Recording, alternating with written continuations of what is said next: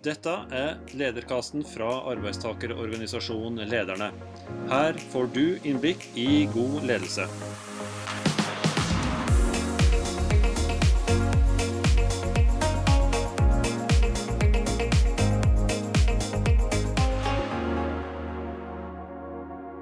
Hjertelig velkommen til en ny episode av Lederkasten fra arbeidstakerorganisasjonen Lederne. Mitt navn er Sverre Simen Hov. Jeg jobber jo i Lederne, og i dag har vi med oss eh, Mette Fossum, som mange nok har sett i litt ulike sammenhenger opp gjennom en god del år. Hun har den siste halvannet året jobba som bærekraftsansvarlig i eh, Reitan Handel. Det er jo da kjent som morselskapet til store og kjente merkevarer som eh, Rema 1000 og Uno X. Nå er jo akkurat ferdig med den jobben og skal videre i nye og spennende ting. Uh, har jobba mye med kommunikasjon, både i Rema 1000, i Norges Bank og i Nærings- og handelsdepartementet. Og har nå et veldig sterkt fokus på bærekraft. Hvordan etablere bærekraftige norske selskaper. Det skal vi få høre veldig mye mer om, og det gleder vi oss til. Hjertelig velkommen til Lederkassen, eh, Mette. Tusen hjertelig takk. Så hyggelig å være her. Vi må jo starte med de lederjobbene du har hatt. Jeg nevnte en del av de, men jeg tror kanskje at en del òg husker det fra TV. Stemmer ikke det? jo. Jeg jobbet eh, en god del år eh, som politisk reporter i TV 2. Og så var jeg nyhetsanker og programleder på TV Norge. Så, så jeg har gjort det også. Du har vært både foran og bak kamera og jobba med kommunikasjon og strategier lenge. Ja. Bærekraft. Ehm, det er jo noe som vi ser får mer og mer fokus i norske virksomheter. Og mange vil kanskje tenke at her er det en motegreie som alle bare må kaste seg litt på. Har du alltid følt liksom, det engasjementet rundt eh, bærekraft, eller har det kommet mer og mer de siste årene? Jeg har nok alltid vært engasjert i veldig mange temaer innenfor det som ble kalt bærekraft på 80-tallet gjennom Gro Harlem Brundtland. Eh, fordi jeg vokste opp eh, i en veldig politisk engasjert familie. Mamma var stortingsrepresentant for Arbeiderpartiet i mange år. Og pappa en engasjert samfunnsborger, så vi hadde veldig mange diskusjoner hjemme. Eh, så det, men når jeg egentlig begynte å ordentlig kjenne på det, var da jeg ble mamma første gang, i 2003. Og datteren min som spytta ut all barnemat, ville ikke spise noe av det jeg kjøpte i butikken. Og jeg kjøpte til og med merker som jeg hadde hørt om var var bedre enn andre.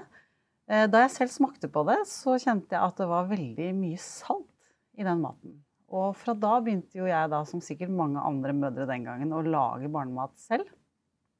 Og ble veldig, veldig opptatt av hva maten inneholdt. I forhold til sprøytemidler og konserveringsmidler og tilsetningsstoffer. Alt det. Og det engasjementet har jo vært med meg egentlig hele veien om hvordan jeg kan være med og bidra og endre. Sånn at jeg Og så høres det her veldig politisk korrekt ut, da. Men kan jeg være med på å bidra til at verden blir litt bedre for mine barn? Det har vært en sånn unnskyld, ledestjerne for meg hele veien. Mm. Og så tok du det engasjementet uh, inn i dagligvarebransjen etter hvert. Ja. Uh, og du nevner jo veldig relevante eksempler for uh, varehandelen. Ja. vi har jo mange ledere på ulike nivåer som lytter. Og det er ofte veldig fokus på at det her må komme fra øverste hold uh, og sildre ned. Men uh, tenker ikke du at, at, her er det ting som den enkelte kan gjøre, uh, både på sin arbeidsplass og, og i sin jobb, mm. for å rett og slett sørge for mer bærekraftig virksomhet? Jeg tror at man må tørre å gjøre det veldig enkelt. For da jeg begynte i Rema, så fikk jeg beskjed av sjefen, da, Ole Robert Reitan, om å lage en hjerte hjertestrategi. Og med det så, så, skulle vi kartlegge alle de initiativene vi hadde i hele Rema. Eh, og da begynte vi å kalle det for eh, ansvar. Den gangen var det jo corporate eh, social responsibility. Veldig krevende ord å si i en virksomhet der man sier at det enkle er ofte det beste. Så det gjorde vi, og så kalte vi det ansvar isteden. Og da fikk vi jo inn en haug med initiativ og forslag til den kartleggingen vi gjorde da. fordi at plutselig forsto alle at samfunnsansvar det var jo noe vi gjorde sånn utover det man var pålagt å gjøre. Og da, altså Vi fikk jo inn et vell av saker som våre kjøpmenn og, og ansatte eh, og selve virksomheten drev på med. Og fra da lagde vi strategien vår. Men jeg tror du som leder da, som sitter der ute, må ha evnen til å bare se inn i egen bedrift. Og så begynne å kartlegge alle disse tingene man gjør utover det man er pålagt. Og så må man også se hvor er det vi har størst påvirkning på bærekraftstemaene. F.eks. miljø. Det er én ting. Men likestilling og mangfold er noe annet. Eller hvordan man tilrettelegger bedriften sin for funksjonshemmede, f.eks. Så hva, hva er det vi gjør, og hvor har vi størst potensial? Og hvis du driver i privat virksomhet, altså hvordan har man størst også businessmuligheter innenfor bærekraft? Det tror jeg er utrolig viktig å få kartlagt og diskutert før man på en måte vet hvor man skal gå, da. Hvilke konkrete tiltak eh, fra toppen av hodet var det dere liksom helt klart eh, og tydelig identifiserte som dere kunne gjøre helt konkret da, fra mm. starten av i, i, Rema 1000? Ja, da, det, det, er klart det hjelper jo veldig å ha engasjerte medarbeidere og en engasjert eier som Eh, Ole Robert Reitan, som eh, var på reise i 2012 i, eh, i, Malaysia og Indonesia og så med egne øyne at uh, regnskog som da var hogd ned. Og tenkte gjennom utfordringen knytta til palmeolje, som er verdens billigste matolje og svært effektiv. Men hvordan vi i Rema da kunne gjøre noe med det. Så han ga beskjed om at nå må vi få kartlagt og redusert palmeoljebruken vår. Palmeolje Strategien ble jo til da ved at man først kartlegger, ser hva vi kan gjøre innenfor eget hus, altså egne merkevarer. Eh, og deretter, etter det, begynne å kreve av leverandørene at de skulle redusere palmeoljebruken i de produktene vi kjøpte av dem. Og Den strategien har vi på en måte brukt hele veien. Og det har medført altså, de mest banale diskusjonene som vi har hatt og løst. Altså, jeg som bærekraftsansvarlig måtte diskutere med de som jobber med brød og bakevarer, eh, om det var hensiktsmessig å kutte ut palmeoljen når wienerbrødene ble så mye flatere. Da kom vi jo fram til at vi solgte like mye wienerbrød som før. Så det var like greit å ta det ut. Sånn har vi hatt en rekke helt enkle, konkrete diskusjoner om hvordan vi har drevet bærekraft. Og så er jo Rema 1000 en kjempestor virksomhet som har selger store volum hver dag. Når man først tar et sånt grep, så får man jo også ganske store resultater. Og så tror jeg de fleste bedrifter også jobber jo hver eneste dag med å, å, å kutte kostnader, f.eks. Og det å ha et miljøperspektiv på det vi har jobbet med hele veien, det har jo også medført at vi har redusert kostnadene våre i forhold til eh, energibruk, altså strømregningene, ved å bygge butikkene våre annerledes. Eller innføre solcellepanel, eller endre til LED-belysning. Altså det å gjøre disse sånn mange, mange små tiltak har jo igjen da medført at Rema 1000 i dag er en av verdens beste virksomheter på klimaledelse. Det er noe vi har jobbet med over, over mange år, og mange små tiltak. For Du tenker jo at i tillegg da til det litt sånn idealistiske eh, arbeidet eh, mm så er det òg eh, et insentiv her økonomisk eh, mm. til å rett og slett tjene penger på å være bærekraftig. Men tror du òg kanskje at det kan ligge en liten sånn mental sperre hos veldig mange? At uh, sånn har vi på en måte alltid gjort det. Mm. Sånn er det greit å bare fortsette å gjøre? Nei, det, Da vil du ikke overleve uh, som virksomhet, tror jeg, i de kommende årene, hvis man har den tankegangen. Jeg tror at man må ta bærekraft inn i forretningsmodellen. fordi at, eller jeg tror du blir tvunget til det, rett og slett. Så hvis du ikke evner å se at dette kreves av deg i framtida nå, så har du ikke noen business om ti år. Eh, du er nødt til å se på eh, altså risikoen i det å eh, drive virksomhet i dag innenfor bærekraft. Så vil det komme en rekke krav, lovpålagte krav, om utslipp f.eks., eller andre ting som vil medføre store kostnader for deg som bedrift. I tillegg til det så har du jo kundeatferden endrer seg jo betraktelig. Med de yngre generasjoner som, som kommer inn i arbeidslivet nå, f.eks., de er jo mye mer opptatt av å jobbe for bedrifter som har gode verdier og holdninger som er åpne og transparente, og som er likestilte og mangfoldige. Så hvis du skal rekruttere eh, gode eh, ansatte framover, så er jo nødt til å være en bedrift som har fokus på det. Det samme gjelder altså miljøet. Du vil ikke overleve økonomisk hvis du blir avgiftsbelagt herfra til evigheten fordi du slipper ut veldig mye klimagasser, f.eks. Det, det, når du skal måte jobbe med en bærekraftstrategi nå, så må du jo ha en risikoorientering til temaet bærekraft. Risiko er jo ikke bare nedside. Risiko er både utfordringer og muligheter. Men du må være veldig klar over hva slags verden man går inn i nå. Bare se på hvordan EU jobber med, med sitt klassifiseringssystem, taksonomien, eller Green Deal, som er den overordna EUs miljøpolitikk, vil jo bare kreve at selskapene må endre seg hvis de skal få, få lån til investeringer, eller hvis de skal få gode betingelser i framtida, så må de jobbe med miljøprofilen sin. Så her begynner det faktisk å brenne et lite eh, rødt lys, for å si det ja. på den måten, for veldig mange virksomheter som kanskje enda ikke har tatt helt tak i det. For det vil komme veldig mye ja. fra overordna nivå nå som eh, ledere på alle nivåer blir påvirka av. Ja, Det holder ikke lenger å si at dette er noe som hun der CSR-dama holder på med, sånn som det tidvis eh, kan være i noen virksomheter. Eh, det er ikke noen satellittvirksomhet på sida av forretningen som, som, egentlig mange bedrifter organiserer bærekraftsarbeidet i dag. Dette må inn i forretningsmodellen, og det må inn i daglig drift. Hvis man ikke tar dette inn i hele forretningsstrategien framover, så, så tror jeg at man vil få store utfordringer.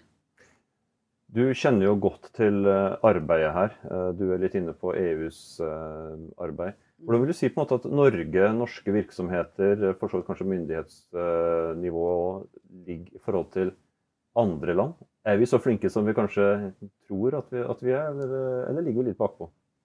Jeg mener vi ligger bakpå eh, på veldig mange områder. Eh, jeg har jo hatt gleden av å jobbe med, med selskapene våre i, eh, i, flere land, i Reitan Handel. Og der ser vi jo at bl.a.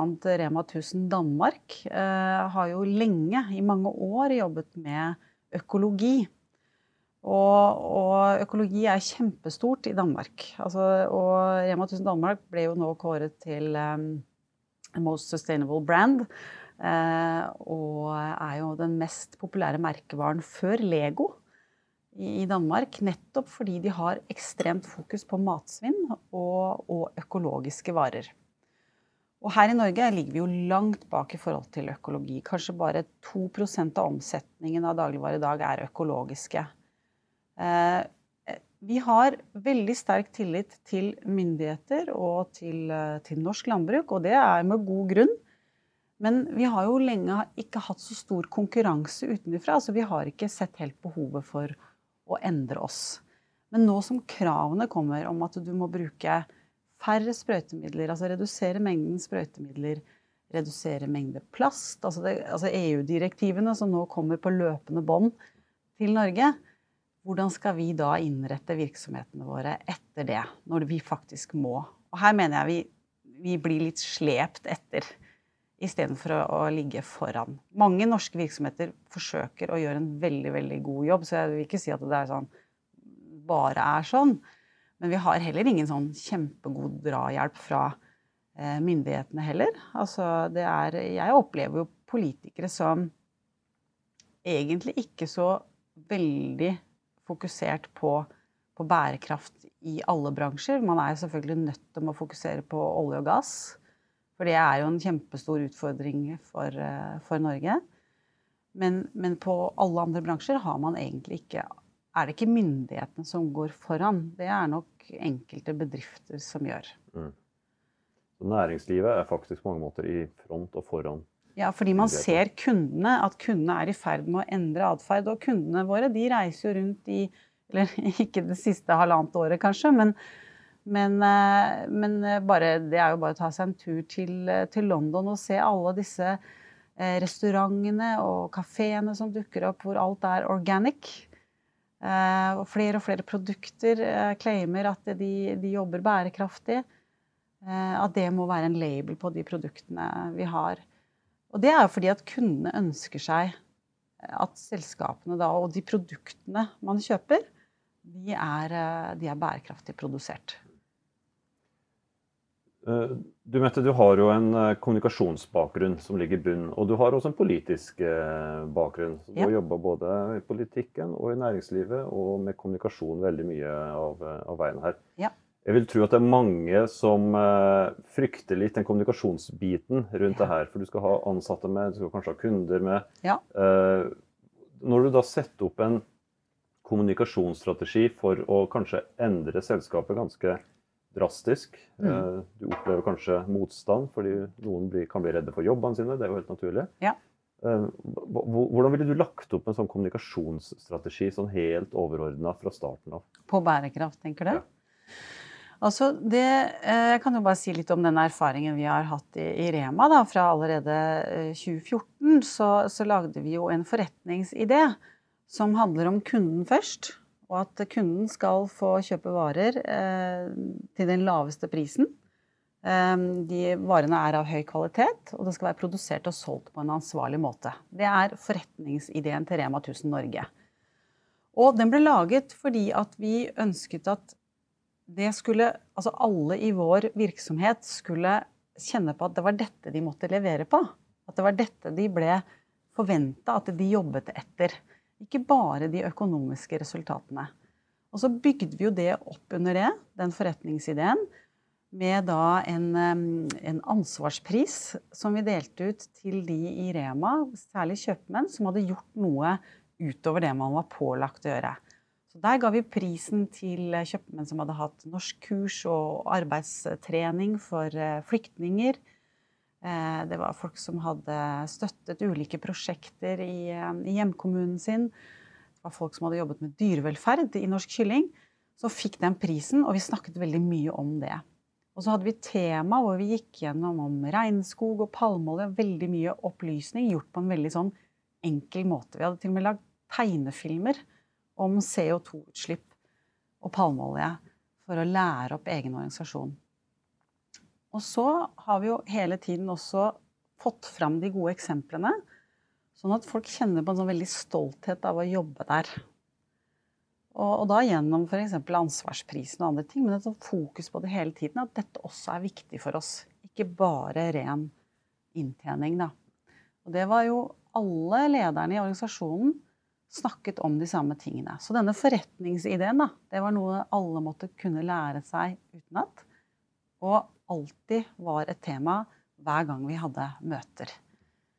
Jeg tror liksom å bygge opp en, en veldig sånn stolthet av det man bidrar til, eh, og gjøre det på en litt sånn enkel, tilgjengelig måte, det tror jeg er veldig viktig. For det er veldig mange som blir skremt av ordet bærekraft. Det har jo utviklet seg sånn at mange som jobber med bærekraft, de, de blir en egen sånn hva skal jeg si, ikke, ikke egen liten klan, men, men det blir folk som kan enormt mye om veldig kompliserte tema. Og så føler også ledere seg, altså gjerne administrerende direktører, føler seg litt dumme fordi de ikke har rukket å sette seg inn i alt dette med CO2-utslipp og net zero og science-based targets og alle disse som vi som jobber med det, forstår. Eh, Og det å gjøre det da enkelt tilgjengelig for, eh, for lederne er også en viktig kommunikasjonsoppgave, så man kjenner at man forstår det, og dermed forplikter seg til det. Det har vært en av mine viktigste oppgaver, eh, også som jeg både har hatt kommunikasjonsansvaret og, og bærekraftsansvaret. Og så er vi jo inne på kommunikasjonsbiten. Nå har vi snakka mye om bærekraft. Mm -hmm. Men du har jo hatt en jobb eh, gjennom en god del år som har innebært stor synlighet. Mange ja. henvendelser fra media. Mhm. Og der du kanskje iblant òg har følt at oi, her er jeg oppe i en situasjon som, som jeg nå må håndtere, som er vanvittig tøff. Vi husker jo for eh, ja, det er et par år siden tilbake hele strategien rundt det med bestevenn og jeg, og alt som skjedde i media rundt den. Mm. Eh, Hvordan, hvordan, tenkte, hva tenkte du da? Hvordan, hvordan takla du det når du plutselig hadde sikkert flere tusen henvendelser fra media som uh, forventa svar veldig kjapt?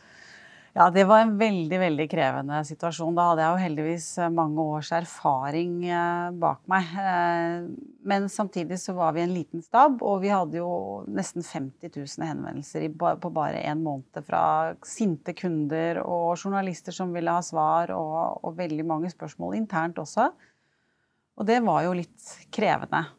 Det jeg hva skal jeg si, det, det, jeg først og fremst er veldig takknemlig for, er jo da å ha hatt et eh, De få som var på teamet mitt, og de, vi jobba sammen, vi hadde en veldig god informasjonsflyt eh, sammen.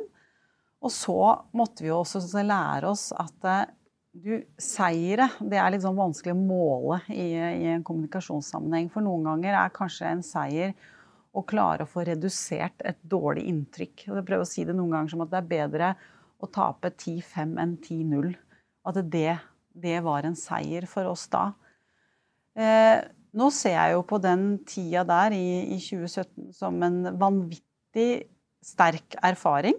Det var eh, personlig veldig krevende, men jeg har jo lært veldig mye. Og det som kommunikasjonsleder å være veldig nøye på forarbeidet til den type hendelser, eh, er å få tid til med organisasjonen til å gå gjennom en veldig solid omdømmevurdering, altså en risikovurdering av det vi skal gå inn i nå. Altså det å, ofte får jo kommunikasjonsrådgivere veldig lite tid sammen med andre i ledelsen til å diskutere omdømme. Og det jeg ønsker å jobbe med er jo nå videre i mitt virke, er jo en metodikk som på en måte er veldig veldig konkret på hvordan man raskt kommer opp med en, en vurdering, en omdømmevurdering av de ulike casene man skal inn i proaktivt. For Det ser jeg har vært utfordrende også i ettertid å dokumentere hva man har gjort. Eller legge opp saker til beslutning. For det, ofte så har man jo bare lyst til å gå ut og forsvare noe. Og sier veldig mange ting som kanskje ikke treffer så bra. Og ikke forstår helt det landskapet man går inn i og skal komme et budskap i. Eh, men jeg er i hvert fall veldig glad for at jeg har den erfaringen med meg, for ellers så tror jeg ikke jeg hadde klart å se det sånn. Og du var jo relativt ung når du ble ansatt som kommunikasjonssjef i Nærings- og handelsdepartementet. Mm. Eh, hvordan var den opplevelsen? Nå har Du sikkert du har reflektert mye på det, men å bli kasta inn i en, i en, såpass eh, stor lederjobb, egentlig, da, mm. eh, som relativt ung, hvordan ser du tilbake på det?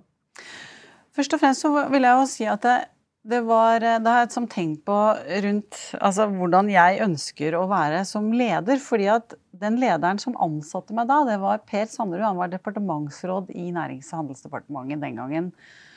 Og han eh, fortalte meg at han så meg som en slags sånn dark horse i den oppløpet til, eh, til den jobben.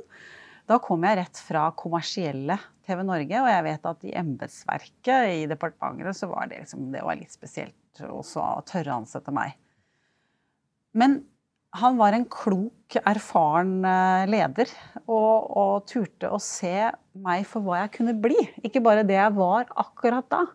Og det er en sånn ting jeg har tenkt på mange ganger. at Det må jeg se etter når jeg ansetter andre òg. Tørre det. Se hva, hva er potensialet her? Hva kan disse menneskene bli?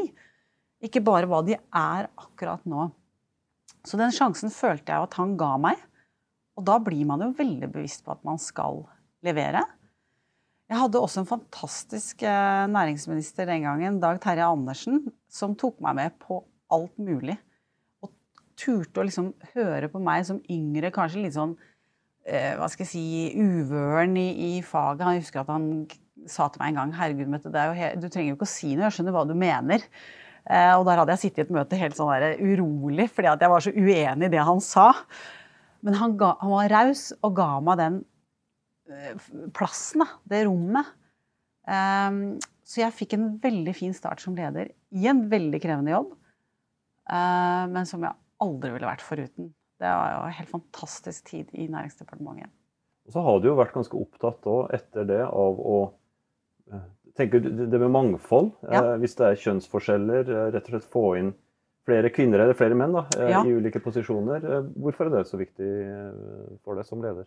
Det var litt også det, når jeg tenkte på det jeg sa om Per Sannerud, da, som tør å ta inn en dame på 32 som ikke har så mye ledererfaring, skal inn i en så tung jobb.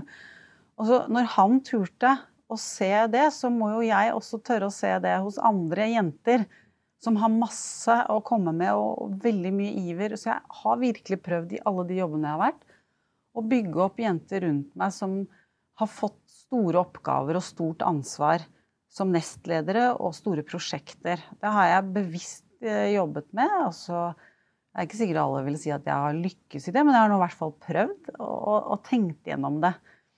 Og jeg har jo mange Altså jeg har sett også mange fine, flinke kvinnelige politikere som også har vært sånn bevisst dette i veldig mange sammenhenger. Og det å f.eks. la en kvinnelig journalist stille spørsmål først.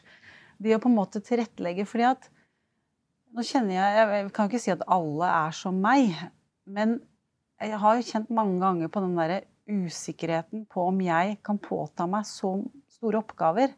Jeg har jo selv tenkt når jeg har hatt små barn, at dette orker jeg ikke mer. Eh, jeg vil gjerne jobbe deltid. Eh, jeg vil gjerne altså, gjøre alt jeg kan for å få et bedre liv, for jeg syns det har vært så vanskelig å kombinere.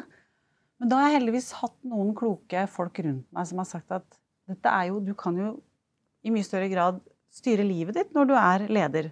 Du kan bestemme når du jobber, når du leverer. Jobber du som eh, ansatt, så har du jo kanskje mye større krav på deg. Så for å hjelpe kvinner til å forstå det. At det å ta på seg en lederoppgave kan også bety større frihet. Bare du leverer. Og det har vært litt sånn virkelig kjepphest for meg da, også når jeg snakker med andre jenter som ikke tør å ta på seg lederoppgave fordi de er redd de ikke får tid nok hjemme. Så har jeg vært litt streng på akkurat det. For jeg har hatt en, altså mange år som leder som jeg har følt akkurat på Jeg har jo friheten. Og har, har du, tenker du da at her har lederen egentlig et særskilt ansvar for å legge til rette. Da, ja. Eh, og også da få fram de dyktige kvinnene som mm. du er inne på, som, eh, som, ofte kanskje tenker sånn, og derigjennom å miste karrieremuligheter. Ja, og så mister man jo kjempeflinke folk. Altså muligheten til å få kjempeflinke folk om bord.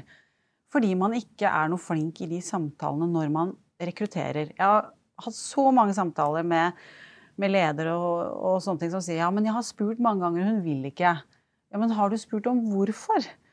Har du gått inn i liksom hva slags muligheter det ligger i å være leder? Du må jobbe litt annerledes med damer enn menn på akkurat måten du rekrutterer på. Jeg tror du får 10 000 ganger igjen hvis du bruker litt tid på det. For en sånn ting som veldig mange sier, er sånn Ja, hos oss er det en livsstil å jobbe. Det er en ting som skremmer vekk veldig mange damer.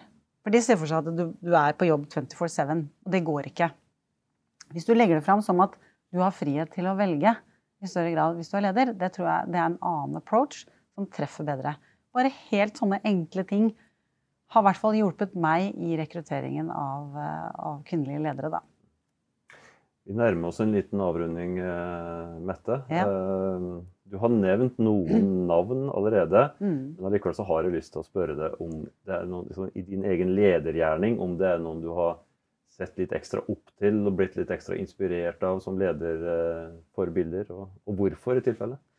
Ja, nei, Da kan jeg jo svare så enkelt som mammaen min, da. Eh, fordi hun var jo som sagt stortingspolitiker i mange år. Hun var rektor og eh, rådmann og sykehusdirektør eh, til slutt. Og, og hun var jo uredd.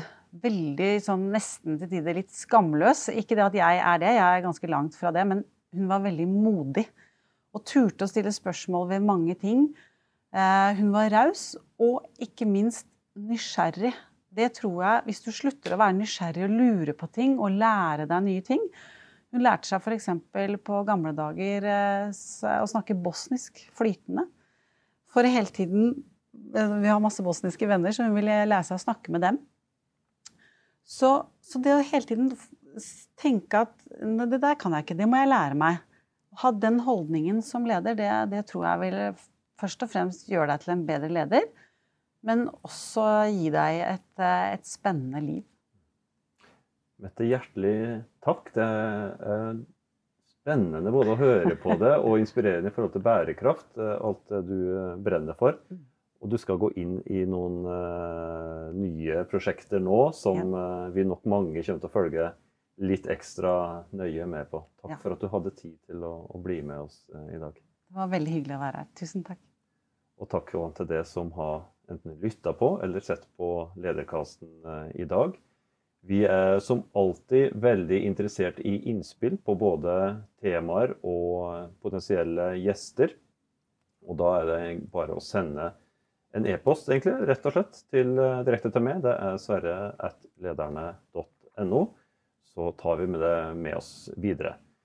Ønsker dere alle noen riktig fine sommerdager, sommeruker. Husk å sjekke kurs- og kompetansekalenderen til lederne, som nå etter hvert fylles med mer fysiske kurs utover høsten. Det skal jo bli fint å møtes eh, fysisk igjen. Eh, og så er vi tilbake om ikke veldig lenge med nye og spennende gjester på Lederkamp.